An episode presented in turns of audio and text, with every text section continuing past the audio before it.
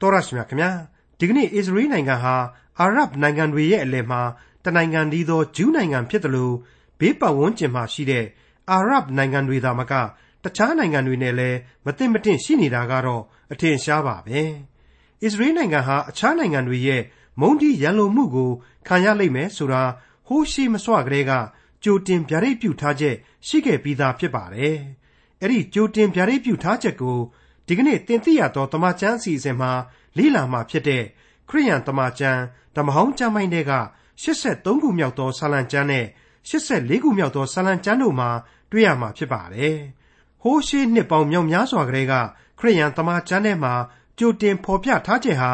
ဒီကနေ့လဲမှန်ကန်နေသေးပဲဆိုတာကိုအံ့ဩဖွယ်ရာတွေ့ကြရမှာဖြစ်ပါတယ်။ဒါကြောင့်လဲတမချန်းကိုဖျားရှင်ရဲ့နှုတ်ကပတ်တော်လို့ခေါ်တွင်တယ်မဟုတ်ပါလား။ မတရားတဲ့သူတွေစီမှာစီးစိမ်ချမ်းသာနဲ့နေရတာထက်ဖျားရှင်ရဲ့အိမ်တော်မှာအစေအပါအဆောင်အဖြစ်နဲ့နေဖို့အတွက်ရဲရင်တဲ့စိတ်ပြတ်သားတဲ့စိတ်ဓာတ်မျိုးရှိဖို့အတွက်ကိုလည်းအထင်အရှားတိုက်တွန်းအားပေးထားတဲ့83ခုမြောက်သောဆာလံကျမ်းနဲ့84ခုမြောက်သောဆာလံကျမ်းတို့ကိုဒေါက်တာထွန်းမြတ်အေးကအခုလိုလေ့လာတင်ပြมาဖြစ်ပါတယ်။သင်သိရသောတမန်ကျမ်းရဲ့မိတ်ဆွေတော်တတ်ရှင်အပေါင်းတို့ခမညာ။ စီရင်တော်မူပါဖျားဆိုတဲ့ခေါင်းစဉ်ပေးပြီးတော့စာဆိုတော်ကြီးအာသတ်ဆက်ဆိုတဲ့ဆာလံတီချင်းအမှတ်စဉ်83ကိုကျွန်တော်တို့ဒီကနေ့ဆက်လက်လေ့လာသွားဖို့ရှိပါတယ်ဟုတ်ပါတယ်83ခုမြောက်သောဆာလံတီချင်းကနေစပြီးတော့အခုရောက်ရှိလာတဲ့83ခုမြောက်သောဆာလံအထိဆာလံတီချင်းတွေဟာအာသတ်ဆက်ဆိုခဲ့တယ်ဆိုတာကိုကျွန်တော်ဖော်ပြခဲ့ပြီးပါပြီအခုရောက်ရှိလာတဲ့83ခုမြောက်သောဆာလံဟာဆိုရင်ကျွန်တော်ကခေါင်းစဉ်တက်ပေးလိုက်တယ်လို့ စီရင်တော်မူပါအဖဖျားဆိုတဲ့အတိုင်းပဲဖျားသခင်ကိုတိုင်တီးပြီးတော့ကျိန်ဆိုသောဆာလံတစ်ပုဒ်ဖြစ်ပါတယ်ဒီ83ခုမြောက်သောဆာလံနဲ့ပတ်သက်လို့ဣသရေလလူမျိုးတော်ရဲ့နောက်ခံသမိုင်းပေါ်မှာမူတည်ပြီးတော့ကျိန်ဆိုသံများပြုထားသောဆာလံလို့ပြောလို့မရပါဘူးဖျားသခင်ကိုယုံကြည်သူအလုံးကိုစာရမဏေရဲ့လွှမ်းမိုးမှုအောက်ကနေလွတ်မြောက်စေဖို့ရန်အတွက်အထူးဆုတောင်းသောပတနာဖြစ်တယ်ဆိုပြီးတော့အခြေခံသဘောထားမှတ်သားရန်လိုအပ်ကြောင်း ကျွန်တော်တင်ပြရသောသမာကျမ်းအဖွဲ့မှအလေးအနက်ခံယူမိပါတယ်83ခုမြောက်သောဆာလံအငယ်1မှ8အိုဖျားသခင်တိတ်ဆိတ်စွာနေတော်မမူပါနှင့်အိုဖျားသခင်အမိန့်တော်မရှိဘဲငြိမ်ဝတ်စွာနေတော်မမူပါနှင့်ကိုရောဤရန်သူတို့သည်ယုံရင်ခတ်ပြုကြပါ၏ကိုရောကိုမုံသောသူတို့သည်ထားကြပါ၏ကိုရောဤလူစုတစ်ဖက်၌ပရိယေကိုကြံ၍ကိုရောကွယ်ကာတော်မူသောသူတို့တစ်ဖက်၌တိုင်ပင်ကြပါ၏ ဣသရေလ၏နာမကိုနောက်တဖန်အောက်မေ့เสียမရှိစေခြင်းဟာလာကြသူတို့အမျိုးကိုပယ်ဖြတ်ကြကုန်အံ့ဟုဆိုကြပါ၏သဘောတညီတညွတ်ကြီးတိုင်ပင်၍ကိုတော်တစ်ဖက်၌အချင်းချင်းသင်းဖွဲ့သောသူဟုမူကားအေရုံပြေ၌နေသောသူဣရှမေလအမျိုးသားမောဘပြည်သားဟာဂရပြည်သားဂေဗလပြည်သားအမုံပြည်သားအာမလက်ပြည်သားတုရုမြို့သားနှင့်တကွဖိလိတိအမျိုးသားတို့သည်သင်းဖွဲ့ကြပါ၏ အာရှုရိအမျိုးသားတို့သည်လည်းဝိုင်း၍လောတအမျိုးသားတို့ဘက်သို့ဝင်ကြပါ၏ဒီအပိုင်းတွေဟာ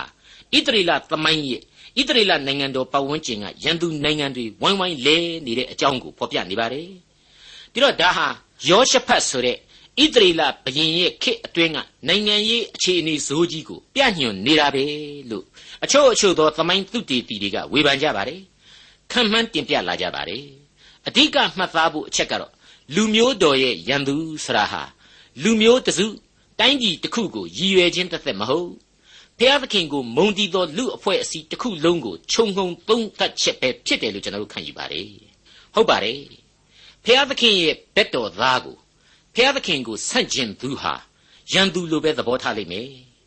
အမြဲတမ်းရန်ပြုတ်လိမ့်မယ်ဆိုတာဟာရှင်းနေတဲ့အချက်တစ်ခုဖြစ်ပါတယ်ဒီအပိုင်းမှာအထူးသတိထားမိဖို့လိုတဲ့အချက်တစ်ခုကတော့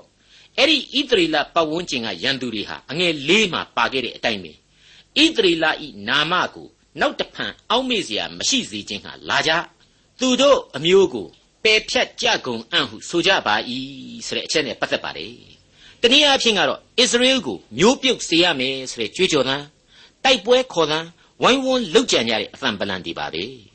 အဲ့ဒီနီးနဲ့အစ္စရေလကိုဝိုင်းဝန်းတိုက်ခိုက်မှုတွေရှိခဲ့သလားမရှိခဲ့ဘူးလားဆိုတာကိုတော့ကျွန်တော်မပြောချင်ပါဘူး အသက်40အရွယ်လောက်ရှိတဲ့လူတိုင်းဟာကောင်းကောင်းကြီးနားလေသဘောပေါက်နိုင်မယ်လို့ပဲကျွန်တော်ထင်ပါတယ်။အေဒုံပြည်မှာနေတဲ့လူတွေဣရှမေလရဲ့အမျိုးတွေမောဘပြည်သားတွေဟာဂရပြည်သားတွေဂေဗလပြည်သားတွေတူရူအမုံအာမလက်နဲ့တကွဖိလိတိတွေတဲ့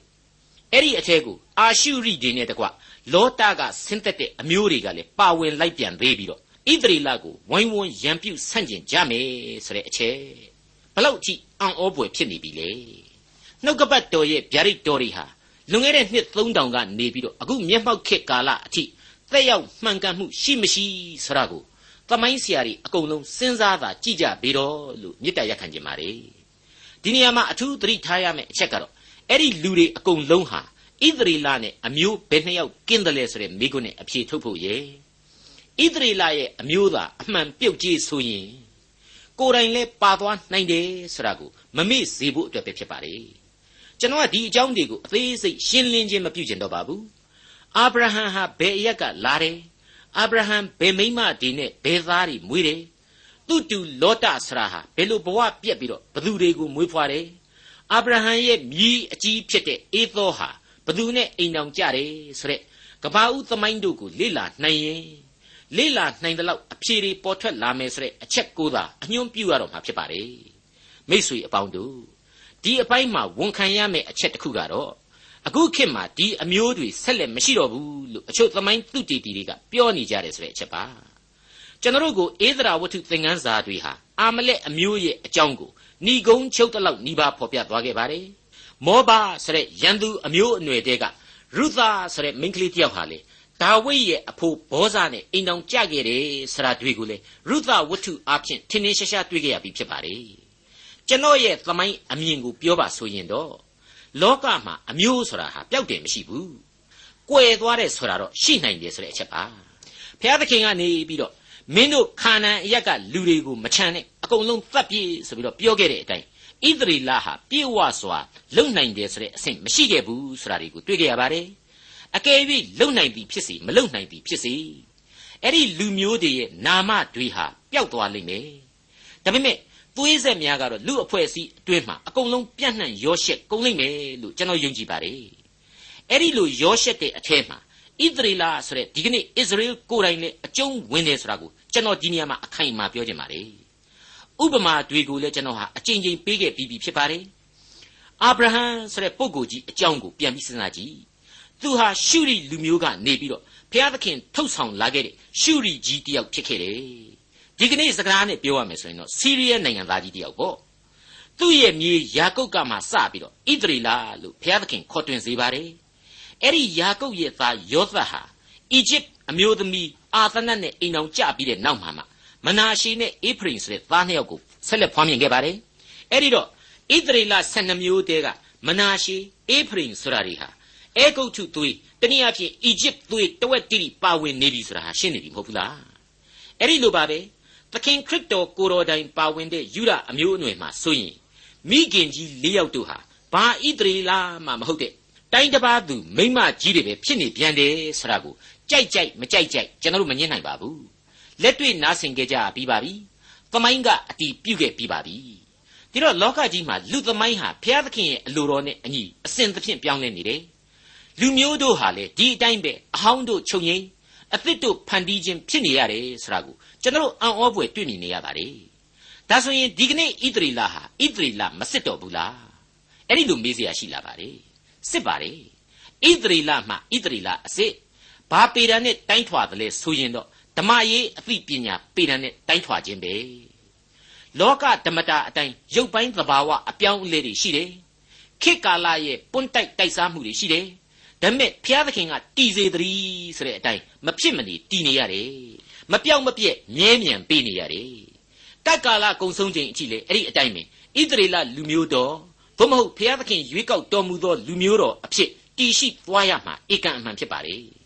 အခုကျွန်တော်ယုံကြည်သူခရိယန်များကောင်းကင်နိုင်ငံတော်အမွေကိုခံယူရမယ့်သားသမီးများဖြစ်တယ်ခရစ်တော်အားဖြင့်တလုံးတဝတည်းတည်ရှိနေကြတယ်ဒါဟာလေအစဉ်တစိုက်တည်ရှိရမယ်ရွေးကောက်တော်မူသော ပရိညင်တရားသစ်ဤလူမျိုးတော်ပဲမဟုတ်ဘူးလားဆာလံ83မှာပါဝင်ခဲ့တဲ့ဣသရေလလူမျိုးတော်ကိုရန်သူတွေဝိုင်းဝိုင်းလဲနေသလိုယုံကြည်သူအပေါင်းတို့ဟာအသွေးအသားရန်သူများ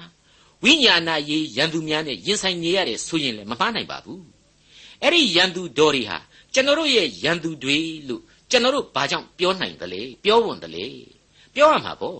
ကျွန်တော်တို့ကခရစ်တော်၌တလုံးတဝါကြီးရှိနေတယ်ဘုရားသခင်ရဲ့လမ်းအတိုင်းလျှောက်သွားနေတယ်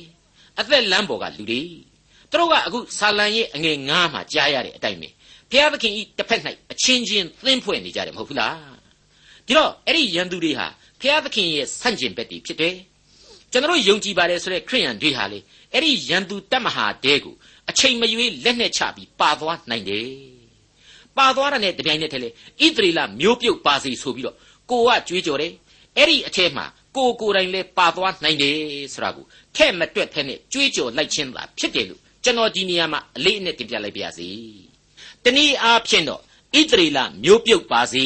ဆိုတဲ့ကြွေးကြော်တာဟာရည်စရာကြီးကိုယ်တိုင်ဟာဣသရေလနဲ့အမျိုးမကင်းဘူးအဲ့ဒီနည်းအတိုင်းပါပဲ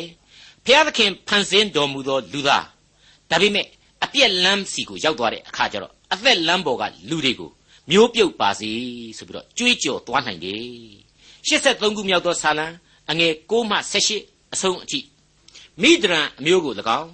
ခိရှုံချောင်းနာမှတိတရမင်းနှင့်ယာဘိန်မင်းကို၎င်းပြုတကဲ့သို့သူတို့ကိုပြုတော်မူပါထိုသူတို့သည်အင်ဒေါယအရ၌ဆုံးရှုံး၍မြေပေါ်မှနောက်ချေးကဲ့သို့ဖြစ်ကြပါ၏ငါတို့သည်ဖျားသခင်အိမ်များကိုကိုဖို့သိမ့်ယူကြကုန်အံ့ဟုဆိုသောဩရဘမင်းနှင့်ဇေဘမင်းကဲ့သို့ဤသူတို့၏မူမှတ်များကို၎င်းဇောဘဟမင်းနှင့် ဇာလမုန်နမင်းကဲ့သို့ဤသူတို့၏မင်းသားအပေါင်းကို၎င်းဖြစ်စေတော်မူပါအကျွန်ုပ်၏ဖျားသခင်လေပွေ၌ပါသွားသောအမိုက်ကဲ့သို့၎င်းလေတိုက်၍လွင့်သောဖွဲကဲ့သို့၎င်းသူတို့ကိုဖြစ်စေတော်မူပါတောကိုမိရှို့တကဲ့သို့၎င်းတောင်ပေါ်မှမိလောင်တကဲ့သို့၎င်းထိုနည်းတူမိုးသက်မုန်တိုင်းတော်အားဖြင့်သူတို့ကိုညှင်းဆဲ၍ပြင်းစွာသောလေတော်အားဖြင့်ခြောက်လှန့်တော်မူပါ။အိုးထာဝရဖျား သူတို့မျက်နှာကိုရှက်စီတော်မူ၍သူတို့သည်နာမတော်ကိုရှာကြပါစေသောစိတ်ပြည့်၍အစဉ်ပင်ပန်းခြင်းရှိကြပါစေသောအရှက်ကွဲ၍ဆုံးရှုံးခြင်းသို့ရောက်ကြပါစေသောထာဝရဖျားဟူ၍နာမတော်ရှိသောကိုတော်တပါးဤသာလျှင်မြေကြီးတစ်ပြင်လုံးအပေါ်မှာအမြင့်ဆုံးသောဖျားဖြစ်တော်မူကြောင်းကိုသိကြပါစေသော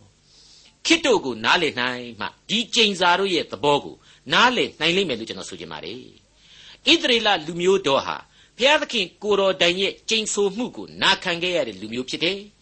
ကျိန်ဆိုခြင်းနဲ့ယင်ပါခဲ့ရသောလူမျိုးသားဖြစ်တယ်ဘာပဲဖြစ်ဖြစ်လူသားရဲ့ပါဇက်ကကျိန်ဆိုတယ်ဆိုတိုင်းဖြစ်ကိုဖြစ်ရမယ်လို့ဓမ္မသမိုင်းမှာအမြဲတမ်းအတိမပြုတ်ထားပါဘူးဘာဖြစ်လို့လဲဆိုတော့ကျိန်ဆိုခြင်းကိုဖြည့်ဆည်းပေးသူဟာဘုရားသခင်ပဲအတီးပြုတ်ပေးရသူဟာဘုရားသခင်ပဲဘုရားသခင်ကလူတယောက်လူမျိုးတစ်မျိုးမျိုးကိုအပြစ်ပေးမယ်ဆိုပါတော့ဘသူကြိမ်ကြိမ်မကြိမ်ကြိမ်အပြစ်ပေးမှသာဖြစ်ပါတယ် ကျွန်တော်ပြောခဲ့ဘူးပါတယ်ဣဇဲဆိုတဲ့အဖိုးကြီးကနေပြီးတော့အေသောနဲ့ယာကုပ်မှာအေသောဆိုတဲ့သားကြီးကိုပဲကောင်းကြီးပေးခြင်းနဲ့အဖေအိုကြီးကကောင်းကြီးပေးရင်ပဲရတော့မလိုလိုလဲထင်เสียရှိခဲ့တယ်ဒီနေရာမှာဣဇက်သာမကသေးပဲနဲ့ကောင်းကြီးပေးအလွန်ဝါသနာပါတဲ့လူတွေသိထားဖို့ကတော့ကိုကပါဇက်ကတပြည့်ပြည့်ကောင်းကြီးပေးတာပေးတာတခြားဖျားသခင်ကပေးစီဆိုမှရနိုင်တယ်ဆိုတဲ့သစ္စာတရားပဲဖျားသခင်ကမပေးဘူးဟေးဆိုရင်လေလူတယောက်ကတရွတ်တွတ်နဲ့ရွတ်သမျှတွေးဟာ ဇရွေးစင်နာကလွယ်ဘာမှအကျိုးမရှိနိုင်ဘူးလို့ကျွန်တော်အခိုင်အမာပြောချင်ပါတယ်အခုဆာလံတီချင်းတွေတဲကကျိန်ဆိုခြင်းအပေါင်းတို့ဟာခရစ်တော်ရဲ့တရားဆုံးဖြတ်ခြင်းသို့မဟုတ်ကြမ်းတမ်းသောကပ်ကာလ tribulation period အတွက်ဣသရေလလူမျိုးတော်ဟာရန်သူတွေနဲ့ရင်ဆိုင်ရတဲ့အတွက်ကြောင့်ကျိန်ဆိုခြင်းများအဖြစ်ဗျာဒိတ်များဖော်ပြလိုက်ခြင်းပဲဖြစ်ပါတယ်။ထာဝရဘုရားဟူ၍နာမတော်ရှိသောကိုတော်တပါးသည်သာလျှင်မြေကြီးတစ်ပြင်လုံးအပေါ်မှာ အမြင့်ဆုံးသောဘုရားဖြစ်ကြောင်းကိုသိကြပါစေသောတဲ့။ဟုတ်ပါတယ်။ဘလောက်ပဲရန်သူတွေများပြားစွာဝိုင်းရံနေပါစေ။စာရမဏေမင်းတကိုးထွားပါစေ။ကကကာလဆုံးဖြတ်ချိန်မှာဘုရားသခင်ကိုဆန့်ကျင်သူတို့ဟာမုတ်ချမသွေကြဆုံးကိုကြဆုံးသွားကြမှာဖြစ်တယ်။ဣသရေလလူမျိုးတော်ရဲ့အဲ့ဒီအချိန်ကာလကြီးညာချက်ဟာဘုရားသခင်သည်မြေကြီးတစ်ပြင်လုံး၌အကြီးမြတ်ဆုံးသောဘုရားဖြစ်တော်မူသည်ဆိုတဲ့သစ္စာတရားပဲဖြစ်ပါလိမ့်မယ်ခင်ဗျာအခုအချိန်မှာတော့ ကျွန်တော်တို့ဟာ84ခုမြောက်သောဆာလံကိုဆက်လက်လေ့လာဖို့ရှိနေပါတယ်ကျွန်တော်တို့ဟာဂီတစာဆိုတော်အာသတ်ရဲ့ဆာလံတည်ခြင်းများကိုအဆုံးသတ်ခဲ့ပြီးပါပြီအခုအချိန်မှာ84ခုမြောက်သောဆာလံကိုရောက်ရှိလာပါပြီဒီဆာလံကတော့ကောရာဤသာစာဆိုတော်များရဲ့လက်ရပဲဖြစ်ပါတယ်ကောရာဆိုတဲ့ပုဂ္ဂိုလ်ရဲ့သမိုင်းကိုဓမ္မရာဇဝင်တွေအရလိုက်လံကြည့်ရှုမယ်ဆိုရင်မြေမျိုးချင်းကိုခံလိုက်ရတဲ့အထိအပြစ်သင့်ကြရသောလူတစ်ယောက်ဆိုတာကိုဓမ္မသမိုင်းမှာတွေ့ကြရပါတယ် သူဟာမောရှေကိုတော်လှန်ပုန်ကန်ခဲ့တဲ့အထိမိုက်မှားခဲ့ရာကနေအခုလိုဘုရားသခင်ပေးတဲ့အပြစ်ဒဏ်ကိုခံခဲ့ရခြင်းပါပဲဒီအကြောင်းတွေကိုတောလေယာကျမ်းအခန်းကြီး16မှာအသေးစိတ်ကျွန်တော်တို့လေ့လာဖတ်ရှုနိုင်ပါတယ်အဲ့ဒီလိုမောရှေကိုတော်လှန်ခြင်းဟာဘုရားသခင်ကိုဆန့်ကျင်ခြင်းဖြစ်ခဲ့လို့ကြောက်မဲ့ဖွယ်အပြစ်စီရင်ခြင်းကိုခံခဲ့ရတာပါပဲတောလေယာကျမ်းအခန်းကြီး16အငယ်28ကနေ35အထိကိုမိษွေတို့တူးချင်းပြန်လဲဖတ်ရှုသင့်တဲ့အကြောင်းကျွန်တော်အကြံပြုချင်ပါတယ် ကျွန်တော်အနေနဲ့ကတော့အငယ်30ကနေ33အတွင်းကိုကျွန်တော်ဖတ်ပြခြင်းပါတယ်သို့မဟုတ်ထာဝရဘုရားသည်အသစ်ဖန်ဆင်းတော်မူသဖြင့်မြေကြီးကွဲပွင့်လျက်ဤလူတို့ကို၎င်းသူတို့နှင့်ဆိုင်သမျှတို့ကို၎င်းမျိုး၍သူတို့သည်အသက်ရှင်လျက်သေမင်းနိုင်ငံသို့ဆင်းသွားလျင်ထာဝရဘုရား၌ပြစ်မှားကြောင်းကိုသင်တို့သည်သိနာလေရကြလိမ့်မည်ဟုပြောဆိုပြီးသည့်အဆုံး၌သူတို့နင်းရမြေကြီးသည်ကွဲ၍မိမိကတွင်ကိုဖွင့်သဖြင့် သူတို့နှင့်သူတို့အိမ်များကို၎င်းကောရာနှင့်ဆိုင်သမျှသောသူတို့နှင့်သူတို့ဥစ္စာရှိသမျှကို၎င်းမျိုးလေ၏ထိုသူတို့သည်ကိုယ်တိုင်မှစ၍ဆိုင်သမျှသောသူတို့နှင့်တကွအသက်ရှင်လျက်သေမင်းနိုင်ငံသို့ဆင်းသက်၍သူတို့အပေါ်မှာမြေစေ့ပြန်သဖြင့်သူတို့သည်ပြိဿမှပယ်ရှင်းခြင်းကိုခံရကြ၏တဲ့အဲ့ဒီလိုကြောက်ခမန်းလိလိသမိုင်းဟောင်းကိုကျွန်တော်ပြန်လေတွေ့မြင်နိုင်ပါတယ်ကောရဆရာဟာယေဘရဟိတ်အမျိုးလေဝိအမျိုးအနွယ်တဲကဖြစ်လို့ ဗိမာန်တော်ရဲ့တာဝန်တွေဝတ်ပြုကိုးကွယ်ခြင်းဆိုင်ရာတာဝန်တွေကိုသူ့အမျိုးတွေဟာဆက်လက်ပြီးထမ်းဆောင်ကြရမှာဒါဝိဒ်ရဲ့ခေတ်ကာလမှာလေအသစ်စတင်တိဆောက်တဲ့ဗိမာန်တော်ကြီးအတွက်ကောရရဲ့မြင်းမြစ်အမျိုးအနွယ်သို့မဟုတ်ကောရဤသားများကဆက်လက်တာဝန်ယူခဲ့ကြရပါတယ်သူတို့ရဲ့ဗိမာန်တော်တာဝန်ယူခဲ့ရခြင်းတွေကိုရာဇဝင်ကျုပ်ပထမဆောင်တွေအားဖြင့်အခုလိုကျွန်တော်တို့ပြန်လည်တွေ့နိုင်ပါသေးတယ်ရာဇဝင်ကျုပ်ပထမစာဆောင်အခန်းကြီး26 အငယ်1နဲ့2ကိုနားထောင်ကြည့်ကြပါအသီးအသီးသင်းဖွဲ့သောတကစောက်များဟူမူကားကောရာဟိအမျိုးအေးပြာသအနွယ်ကောရသာမေရှလေမီမေရှလေမီဤသာဥဇာခရိဒုတိယသာယေဒရေလတတိယသာဇေပတိသရုတ်ထသာယာသနီလပြင်စမသာအေလံသတ္ထမသာယောဟနန်သတ္တမသာအေလေအော်နေဒီတဲ့အဲ့ဒီတိုင်းမှာပဲ ယာဇဝင်ကျုပ်ပထမစာဆောင်အခန်းကြီး26အငယ်7နဲ့73မှာအခုလိုတွေ့ရပါတယ်ဤ၍ကထာဝရဘုရား၏အိမ်တော်၌အလှဲ့လှဲ့ဆောင်ခြင်းဟာသင်းဖွဲ့သောတကဆောင်အကြီးအကဲဖြစ်သည်ထိုသူအကြီးငယ်တို့သည်မိမိတို့အဆွေမျိုးလိုက်တကားအသီးသီးစောင့်စေခြင်းဟာစည်ရန်ပြုကြ၏အရှိမျက်နှာကို ရှေလမိရ၏ရှေလမိသားပညာရှိဇာခရိသည်စည်ရန်အားဖြင့်မြောက်မျက်နှာကိုရ၏တဲ့ ဒါကတော့အခုဆာလံတီချင်းကိုရေးဖွဲ့ပေးသောလေဝိအမျိုးအနွယ်ကောရာဤသားများအကြောင်းကိုစဉ်းစားနိုင်ဖို့ရန်ကျွန်တော်ဖတ်ပြခြင်းဖြစ်ပါတယ်ဖျားသခင်ရဲ့စီရင်တော်မူခြင်းကိုဘိုးဘေးတို့ခံလိုက်ရပြီမေအလိုတော်ကိုဝန်ခံကျေးဇူးတော်ကိုနားလည်ပြီးသကလားအခုလိုအမှုတော်ကိုဆက်လက်ထမ်းရွက်ခဲ့သောသားများအဖြစ်ကျွန်တော်တို့ကိုချီးကျူးဂုဏ်ပြုလိုက်ပါတယ်ကဲတို့ရဲ့84ခုမြောက်သောဆာလံမှာဘယ်လိုဆိုဖွဲ့ထားမယ်ဆိုတာကိုစတင်နားဆင်ကြည့်ကြပါအောင်စို့ အငယ်1မှ4ကောင်းကင်ဘိုးကြီးအရှင်ထာဝရဖျားကိုတော်ကျင်းဝတ်တော်မူရာအယတ်ဌာနတို့သည်အလွန်နှစ်သက်ဖွယ်ဖြစ်ပါသည်တကားထာဝရဘုရား၏တိုင်းတော်တို့ကိုအကျွန်ုပ်၏ဝိညာဉ်သည်တတ်သ၍အားလျော်လျက်ရှိပါ၏အကျွန်ုပ်နှလုံးနှင့်ကိုယ်ခန္ဓာသည်အသက်ရှင်တော်မူသောဘုရားသခင်ကိုအလိုရှိ၍ကြွေးကြော်ကြပါ၏ကောင်းကင်ဘုရားအရှင်ထာဝရဘုရား